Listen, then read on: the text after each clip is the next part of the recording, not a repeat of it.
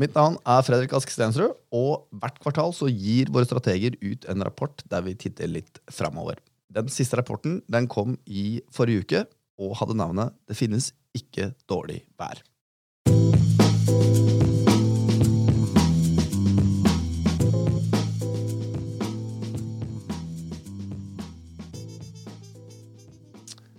Er du med meg, Anders? Jeg er med. Anders er sjefstrateg i Danske Bank og spiller inn denne podkasten sammen med meg. Eh, Du, Hvorfor heter denne rapporten 'Det finnes ikke dårlig vær'? Ja, det er naturlig et spill på det gamle ordtaket 'det finnes ikke dårlig vær, bare dårlige klær'. Og så snakker vi selvfølgelig ikke om været, men om markedet. Og så finnes det jo faktisk også dårlige markeder, men det er bare så lite vi får gjort med det. Så det som er viktig, er jo det at man da tar tak i klærne og, og gjør noe med det, og er forberedt. For vi tror jo at eh, markedene fremover også kommer til å bli ganske ruglete, sånn som det har vært eh, hittil i år. Eller for å si det på en annen måte, eh, utfallsrommet for de neste tolv månedene for verdensøkonomien, det er unormalt stort. Eh, For det er jo, Går det veldig bra, da, så kan vi f.eks. tenke oss at eh, krigen Vi finner en, en god løsning på det. I den grad det finnes en god, i hvert fall best mulig løsning. Vi kan tenke oss at inflasjonen, som jo har vært et stort problem hittil i år, at den normaliseres. Og en del andre lignende scenarioer. da.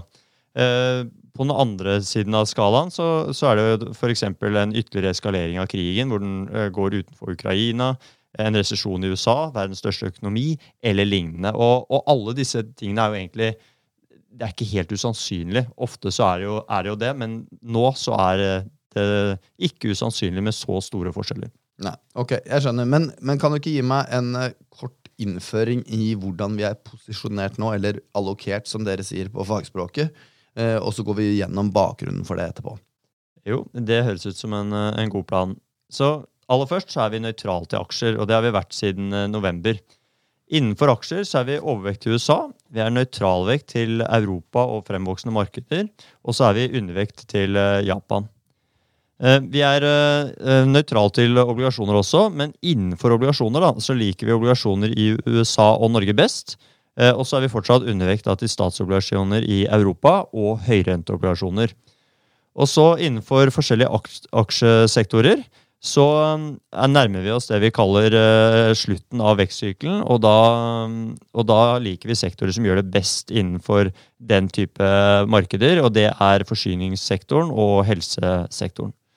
Eh, normalt gjør også stabilt konsum det ganske bra i, i denne perioden, for det er også ting man må ha. Men de sliter med høye inflasjonstall for tiden, så de er vi nøytrale til. Ok, men, men det slår meg at dere er jo ikke spesielt positive til eh, verdensøkonomien. Og hva er grunnen til det? Ja, Det stemmer at, eh, at vi er ikke sånn superpositive til den. Og grunnen til det er at det er, som jeg sa i sted, vi er sent i det vi kaller vekstsykelen. Og gjør aksjer, da gjør aksjer det normalt mindre bra enn tidligere i vekstsyklene. Eh, I tillegg så er det jo, som jeg nevnte tidligere, unormalt mye risiko der ute. Og da har vi heller valgt å være litt forsiktige og ha en forsiktig tilnærming. Samtidig som vi vet jo at allerede aksjer og spredder på, på høyrenteobligasjoner og den type ting har steget en del, så vi mener at timingen for å være undervekt også er litt eh, feil. Ja, Og vekstsykkel er en av sånne glose som sånne folk som deg slenger rundt med seg. Hva er egentlig det? Jo, eh, over tid så vokser jo økonomien eh, på en måte Det ser ut som jevnt og trutt hvis du tar det lange bildet. Men det går ikke en rett linje. Det svinger opp og ned, og det kaller vi en vekstsykkel. Så litt forenklet så kan vi tenke oss at eh, en sykkel har fire faser, litt som en bølge på vannet.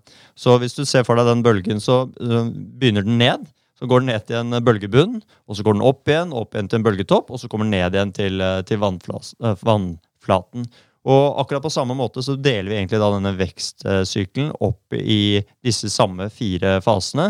To når eh, den er under vann, én når den faller, og én når den stiger opp igjen til vannflaten, og to over vann. da. Og vannflaten den er jo da det vi kaller nullvekst for økonomien. Så da blir jo de fire fasene det. At fase én er negativ vekst, og det faller fortere og fortere. Altså det akselererer nedover. Um, og det er jo det vi kaller en eller negativ vekst, er jo det vi kaller en resesjon. Og i denne perioden hvor veksten er negativ og faller fortere og fortere, så er det da eh, den perioden hvor aksjer gjør det aller dårligst.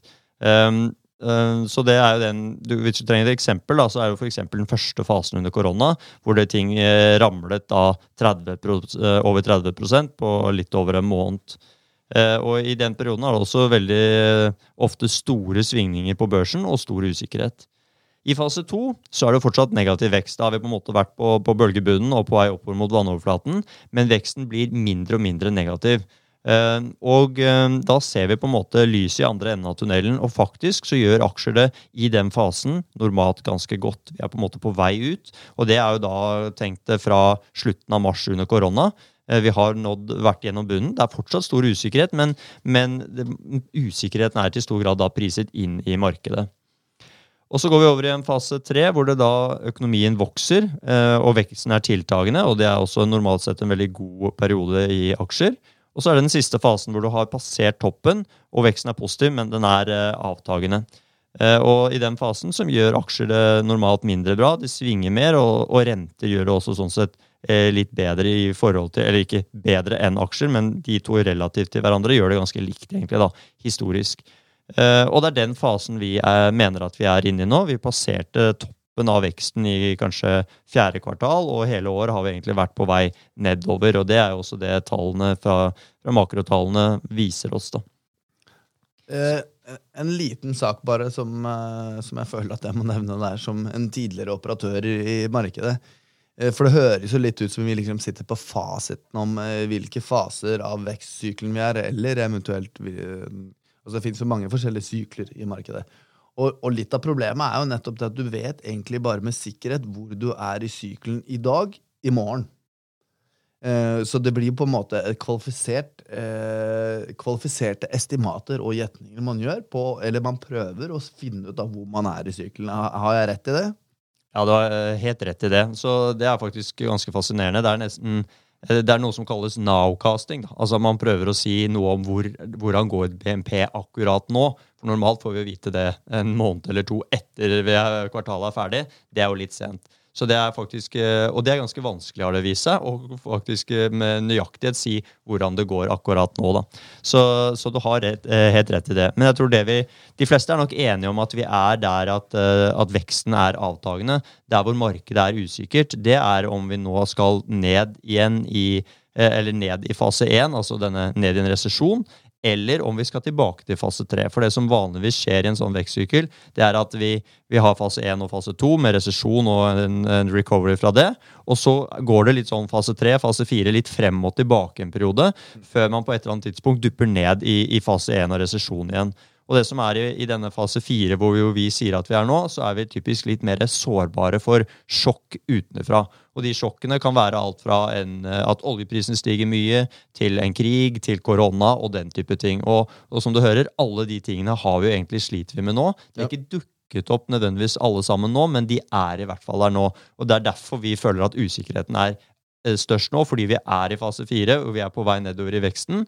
Men, og spørsmålet er er momentumet sterkt nok til å dra oss opp til en ny runde med fase tre og akselererende vekst, eller klarer alle disse tingene som har dukket opp med negative fortegn, å dytte oss ned i en resesjon? Ok, Men vi kan være enige om at vi i hvert fall har en uh, mening om at vi er sent i sykelen. Uh, og du, du nevnte resesjonen i USA. Vi har jo tidligere snakket om um, inverterte rentekurver, så, som jo er kjent uh, er, er en kjent uh, god indikator uh, på dette i løpet av de siste 12-24 månedene. Uh, ser dere for dere en resesjon i USA? Ja, altså Resesjon er ikke hovedscenarioet vårt um, i, i, USA fremover. Men som jeg sier, så er det, er det, jo usikkerhet rundt det. Og det er egentlig der diskusjonen står, da, spesielt når det gjelder amerikansk økonomi. Jeg tror For Europa, og spesielt nå med, med enda høyere oljepriser, og sånn, så er sjansen ganske stor for at i hvert fall Tyskland og en del land går inn i en resesjon. Men, men, i USA, som jo tross alt er lokomotivet i verden, så er det der diskusjonen er. Uh, og de setter jo, altså Sentralbanken, uh, Fed, jeg kaller det bare Fed for forkortning, men de uh, setter jo for tiden opp renten. og det har de siden 1950 så har de hatt 15 sånne perioder hvor det har vært i en innstrammende pengepolitikkperiode. og elleve av dem har, endt i resesjon. Så de har jo litt sånn dårlig historikk når det gjelder akkurat det. Så hvis vi bare skal tenke historikken, så kan vi jo si at nei, dette kommer ikke til å gå bra denne gangen heller. Men så er det jo noen ting som, som hjelper dem litt nå, som kan få ned eh, inflasjonen. Og det skyldes jo at inflasjonen nå den kommer ikke bare fra veldig høy etterspørsel at det går bra i økonomien, den kommer også fra de problemene vi hadde etter korona. Eh, ikke sant, Med eh, forsyningskjeder. eh, og de tingene der.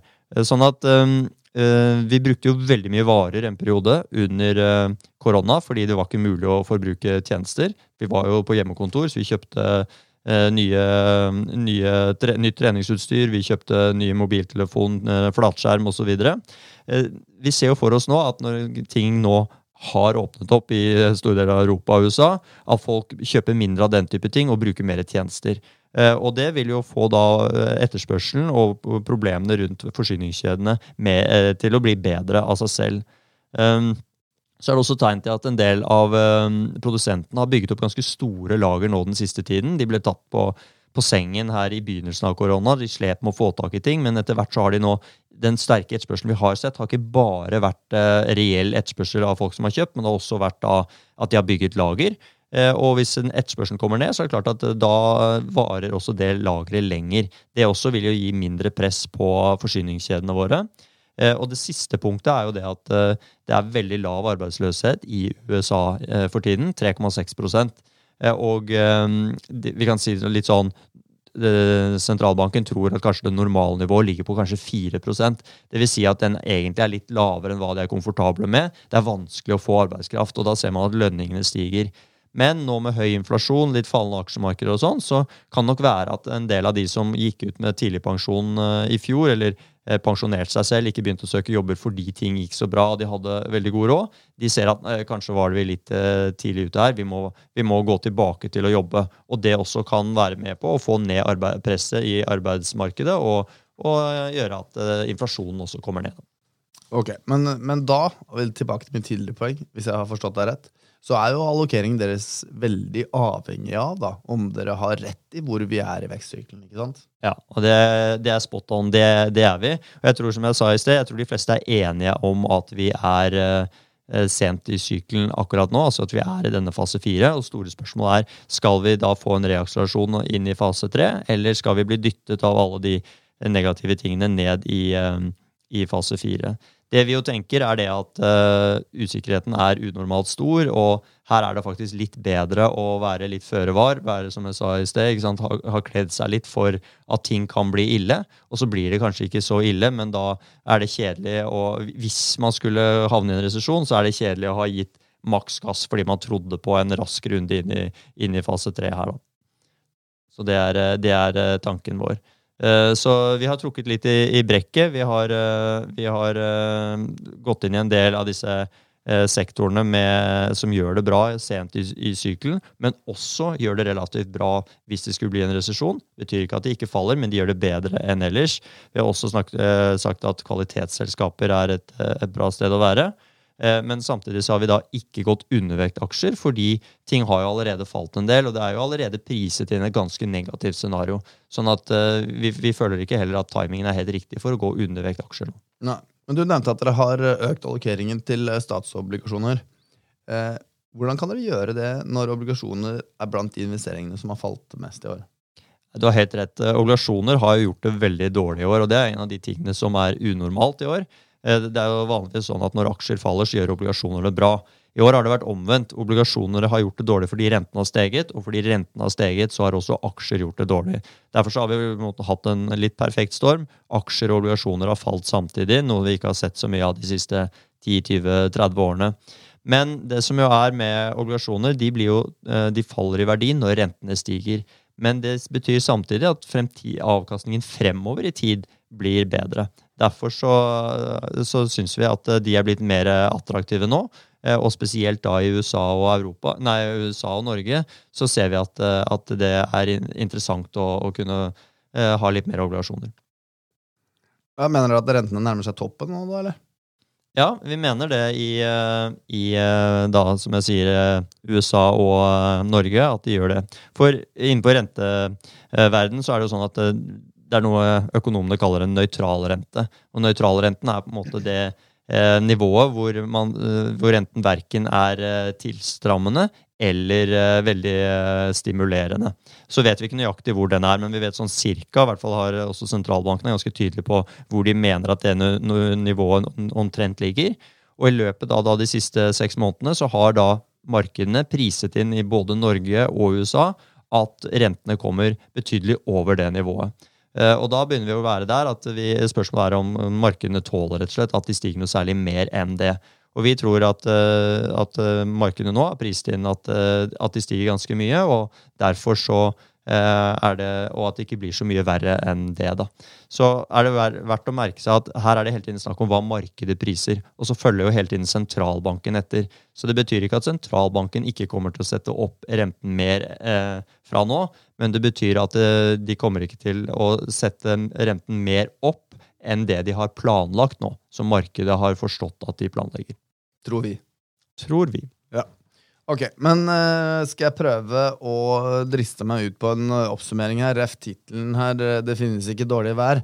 For eh, veldig kort så handler det jo egentlig om å være forberedt på et relativt stort utfallsrom av mulige scenarioer framover. Og det skyldes mange ukjente elementer som krigen, oljepris, inflasjon, høyere renter og kanskje også Kina, selv om vi ikke har snakket om det her i dag. Er det noe annet du vil tillegge der, Anders? Jeg syns det var en uh, god oppsummering, og usikkerheten er jo rekordstor i Kina. Bare to sekunder om det også, da. Fordi um, der har de jo hatt problemer med vekst i det siste, og, og spesielt rundt dette som går på eiendomssituasjonen, da. Uh, så vi syns at i den situasjonen vi er nå, så er det lurt å være forberedt. Det er dumt å være helt ute av markedet, og det er dumt å være, ha gassen helt i bånn.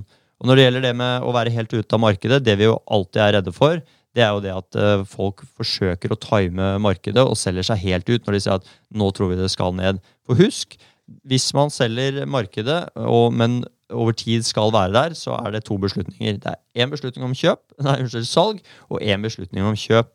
Uh, og du må huske det at det, hvis du syns det ser vondt og vanskelig ut nå, hvis markedet skal falle 10-15-20% til, så ser det jo enda mye verre ut da. Og det er da du planlegger å kjøpe. Og hvis du tar feil, og markedet stiger, og det er, det er også som jeg har sagt flere ganger, det er flere gode grunner til at det faktisk kan skje, så må du også ha en plan for hvordan du skal mentalt klare å kjøpe deg inn igjen om markedet har steget 10-15% Og nå ser jeg Fredrik smiler, for det, det, har vi begge erfart, at det er ganske vanskelig. Ja, nei, det er, eh, det er, nesten umulig. Man må, må bestemme seg på forhånd, føler jeg i hvert fall. At du har en strategi som du bare forholder deg til. Men det her var veldig interessant, Anders. Takk for en, et godt innblikk i deres uh, allokering. Uh, og da tror jeg kanskje vi bare runder av, ja. Uh, så skal vi prøve å være konsistente med produksjonen framover. Jeg har vært litt på ferie, og jeg har vært litt syk, så det har vært litt kokos i episodene. Men, men, dere får bare følge med i feeden. og husk å sette på notifications, så får du beskjed med en gang det kommer nye episoder ut. Tusen takk skal du ha, Anders.